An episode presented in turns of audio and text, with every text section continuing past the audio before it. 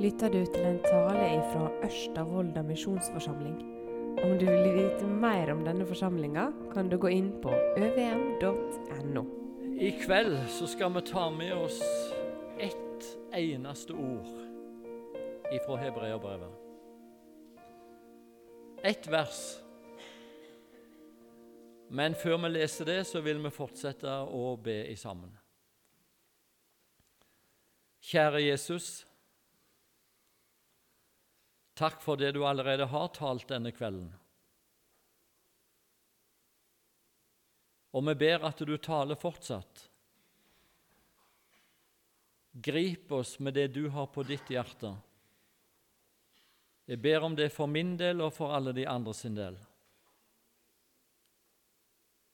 I ditt navn. Amen.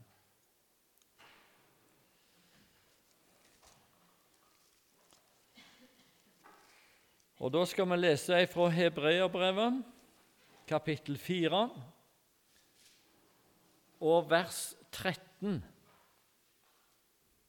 Der står det Og ingen skapning er skjult for ham.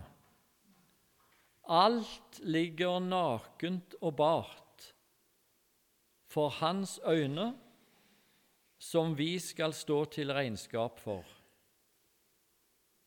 Jeg tar det en gang til, og så må du høre. Ingen skapning er skjult for ham.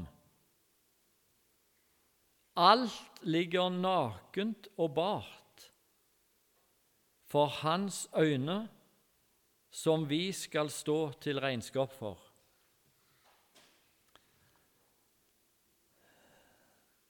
Det er virkelig sant om Gud, om Jesus. Alt ligger nakent og bart for han.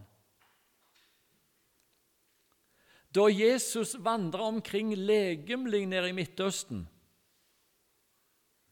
viste han gang på gang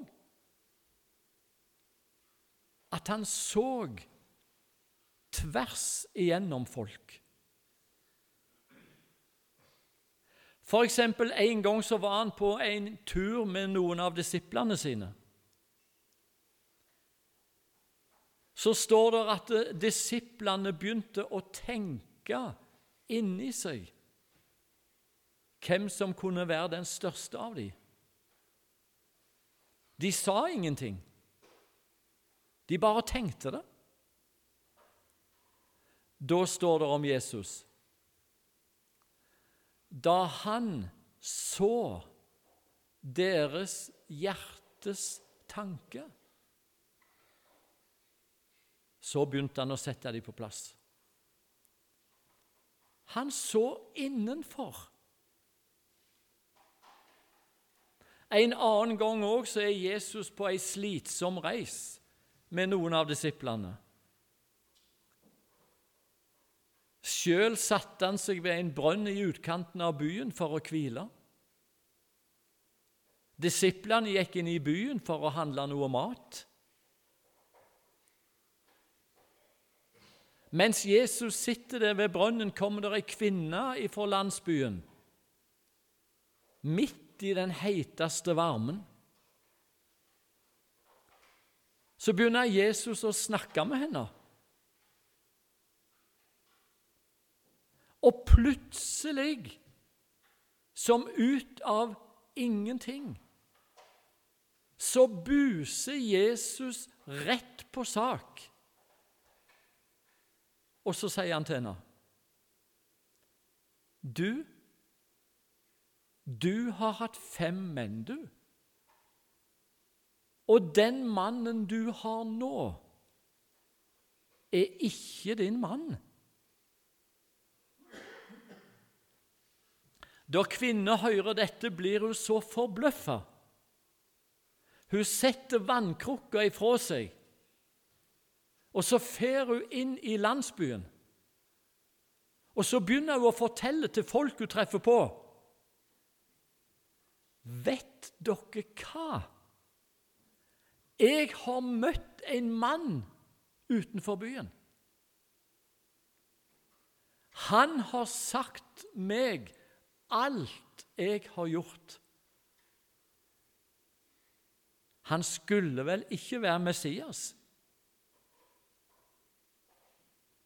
Hvordan visste Jesus alt om denne kvinna sitt liv?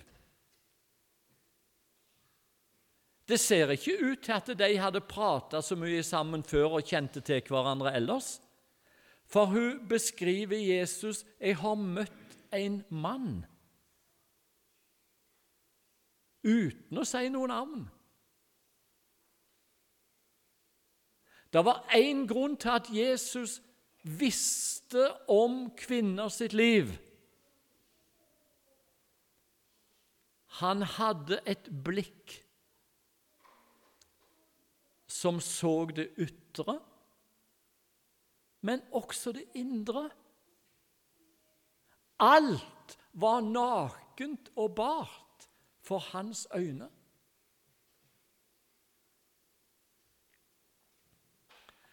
Nå lever vi i Norge i 2019. Og vi er samla i Volda bedehus denne kvelden.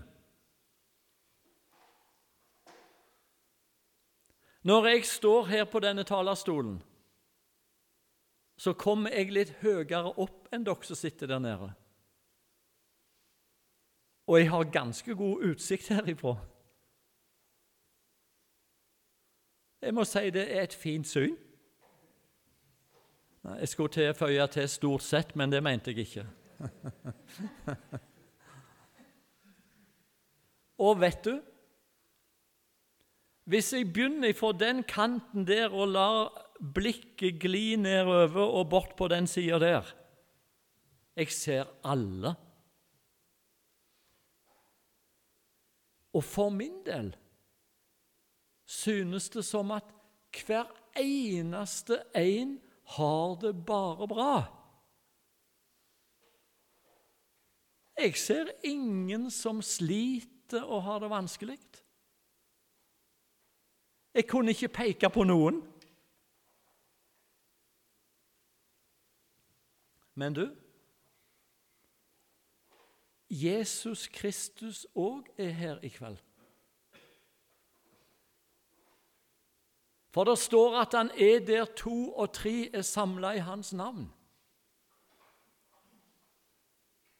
Og han er fortsatt den samme som før.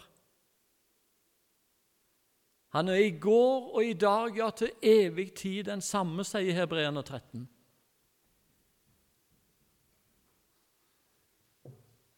Og da lurer jeg på når han ser flokken, deg og meg, vil han òg si at alle har det bare bra? Eller kan det tenkes at han oppdager en og annen som bak fasaden sliter og har det tøft og vanskelig.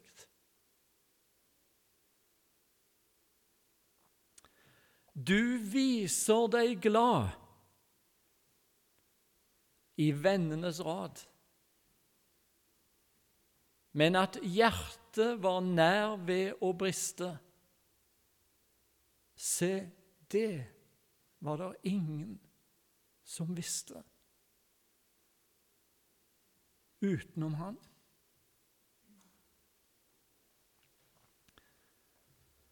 Det kan være mange slag som kan gjøre livet vanskelig.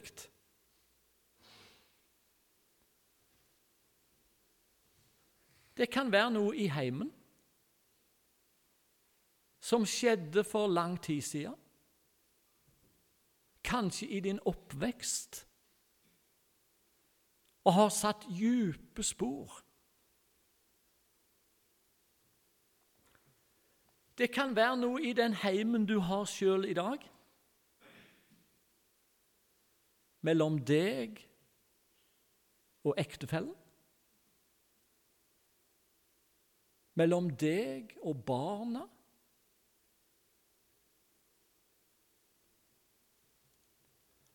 Kanskje det er noen i din nære familie som har sånn en tøff livssituasjon at det sliter på deg òg. Det er som ringer i vannet. Det vonde fører mer vondt med seg og har nådd deg òg.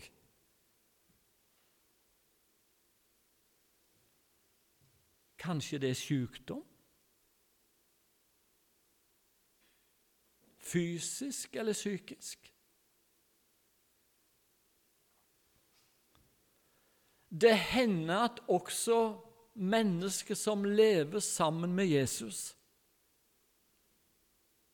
møter på det vanskelige i livet. Vi er på ei reis. Og da israelsfolket slapp ut ifra Egypt, så kom de til et punkt under reisa De kom ikke lenger, for det var et hav som lå i veien.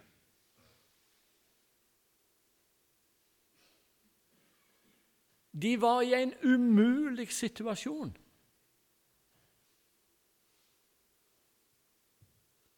Og kan hende er du her i kveld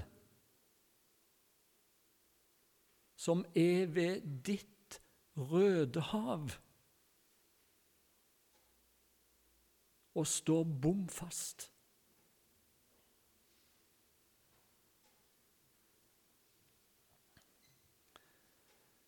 Jeg vet òg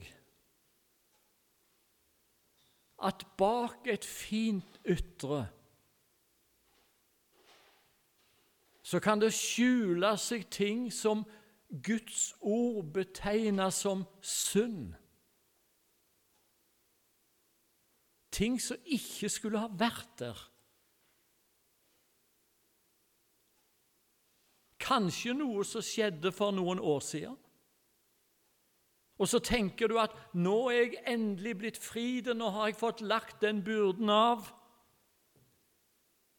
Og så dukker det opp igjen når du finner ikke hvile.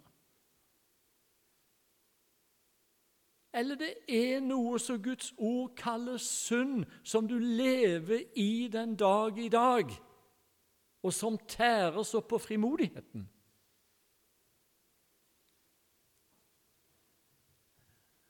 Du sier det ikke til noen, men du vet sjøl det er som en mur som knuger deg ned.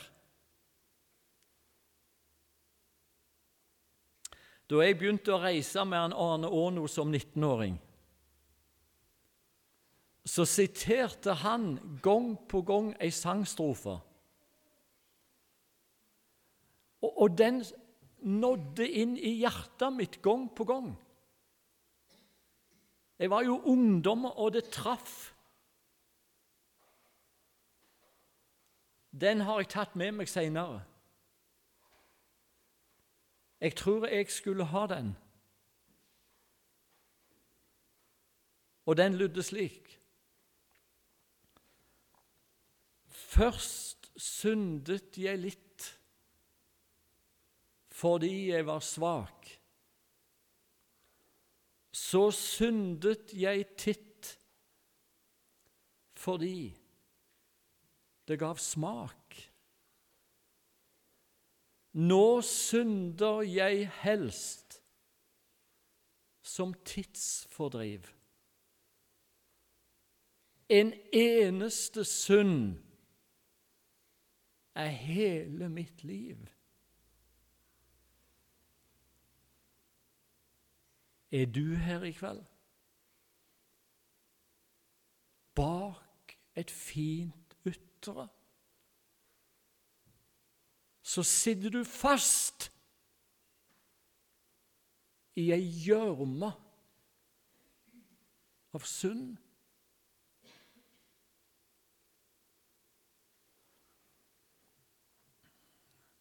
i perioder så har jeg kjent litt på den tanken sjøl, for min del.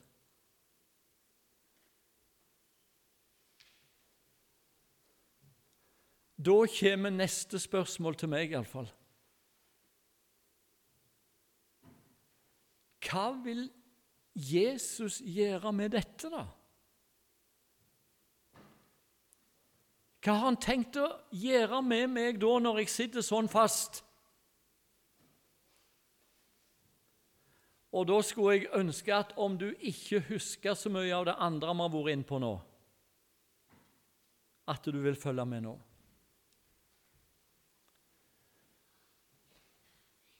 Tenk litt på det du har hørt og lest om Jesus når han hang på et kors på Golgata. Hvorfor henger han der på forbannelsens tre? Jo, vi kan si det slik. Han var villig til å gå opp på det korset, for han hadde allerede da et blikk som så deg og så meg. Vi var oppdaga allerede på det tidspunktet, og han så så klart at det er ingen som har nubbekjangs til å nå hjem til en far hvis ikke jeg fullfører på dette korset.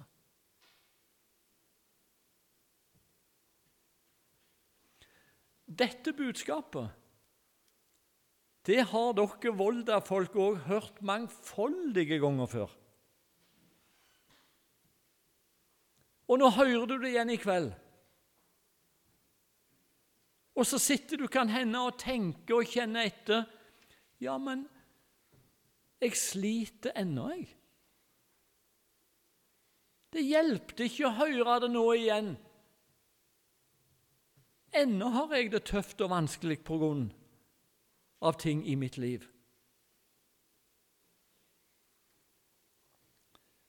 Da skal du få et godt råd, og du skal få det av Jesus sjøl. Han sier det slik i Matteus 11.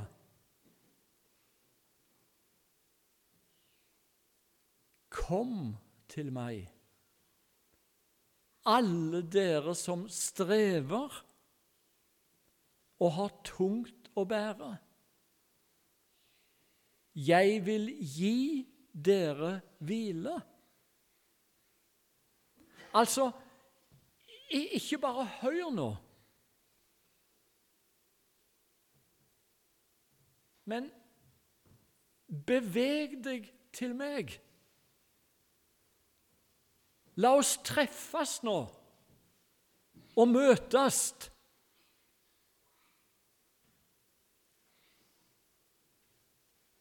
Og så står det slik i 1. Johannes brev Dersom vi sier at vi har samfunn med ham, men vandrer i mørket, da lyver vi og gjør ikke sannheten. Men dersom vi vandrer i lyset liksom Han er i lyset, da har vi samfunn med hverandre, og Jesu, Hans Sønns blod, renser oss fra all synd. Dersom vi sier at vi ikke har synd, da bedrar vi oss selv, og sannheten er ikke i oss. Dersom vi bekjenner våre synder, er Han trofast og rettferdig, så Han forlater oss syndene og renser oss fra all urettferdighet.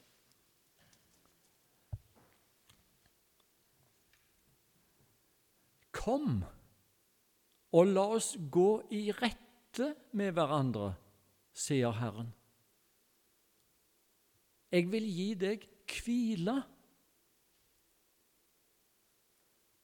Uansett hva du måtte sitte fast i, og hva jeg måtte sitte fast i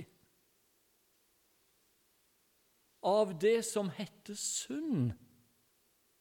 det var med han opp på korset. Han bar våre synder på sitt legeme opp på treet. Han så deg, og han så meg.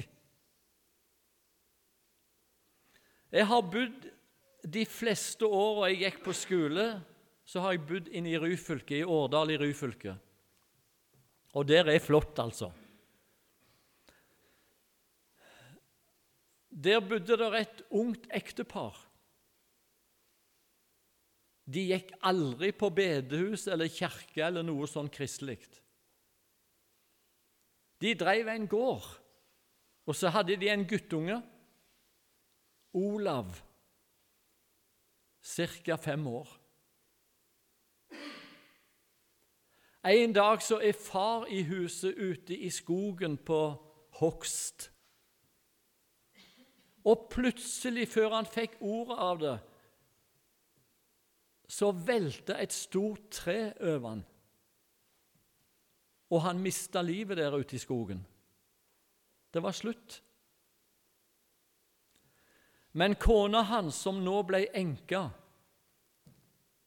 hun bestemte med en gang Det var jo ikke barnehage på den tida. Jeg driver gården videre.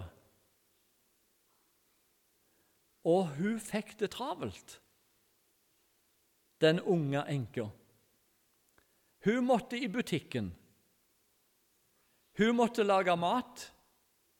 Hun måtte i fjøset.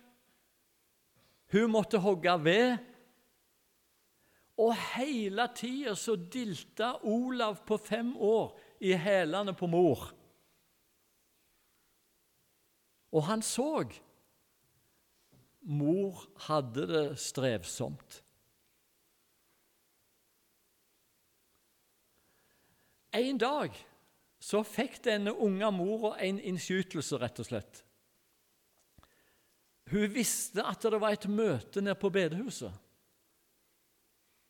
Så hun tok med seg guttungen og dro på det møtet. Hun hadde aldri, hadde aldri sett henne på et bedehusmøte før. Og den kvelden så har predikanten akkurat denne teksten av Jesus, der han roper ut Kom til meg, alle dere som strever og har tungt å bære. Jeg vil gi dere hvile. Og du vet hvordan unger er. De tar det bokstavelig. Der sitter Olav, fem år, og når han hører at Jesus ropte ut 'Kom til meg, alle som strever tungt å bære, jeg vil gi dere hvile', da ser han for seg mor når hun strever på gården med alt mulig. Og vet du hva han gjør? Han tar tak i jakkeermet på mora, og så drar han seg opp til øret hennes og så kviskrer han. Altså, det vil si, han trodde at han kviskra. Mor! Mor! Den, den karen der er jammen noe for deg, han! den karen der, Jesus altså, han er jammen noe for deg, han. Det guttungen ikke så, var at mor strevde med noe som var mange ganger verre enn vedhogst og gårdsarbeid. Hun strevde med å finne hvile og fred med Gud. Den kvelden så rusla hun fram og fikk prate litt med predikanten. Han las noen bibelord for henne ba for henne. Og når hun gikk hjem, så var hun et nytt menneske. Hadde endelig fått hvile. For hun hørte om Jesus og tok han på ordet. Jeg vet ikke hvordan du har det her i kveld. Kanskje du òg er i den situasjonen. Du er stadig på leit. Men det gis ingen hvile og fred.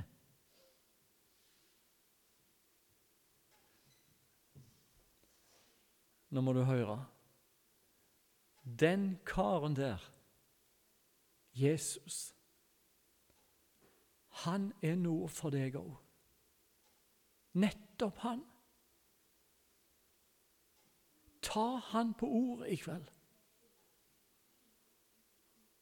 Ta din tilflukt til han i kveld. Ikke bare hør, men ta et oppgjør med han. Snakk ut.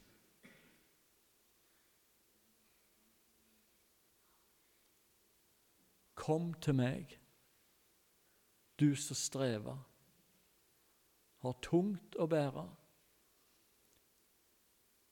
Jeg vil så gjerne gi deg hvile.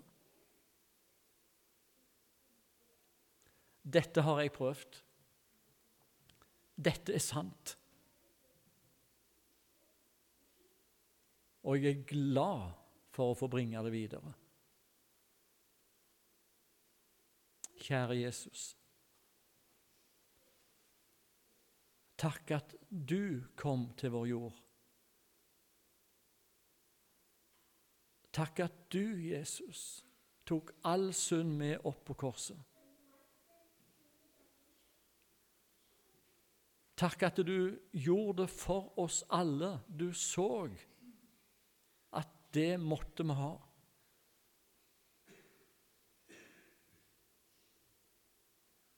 så ser du hvordan vi har det her i kveld.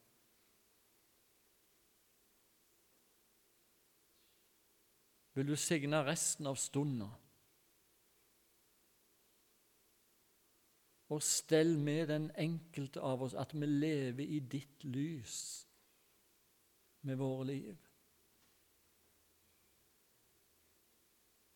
I ditt navn. Amen.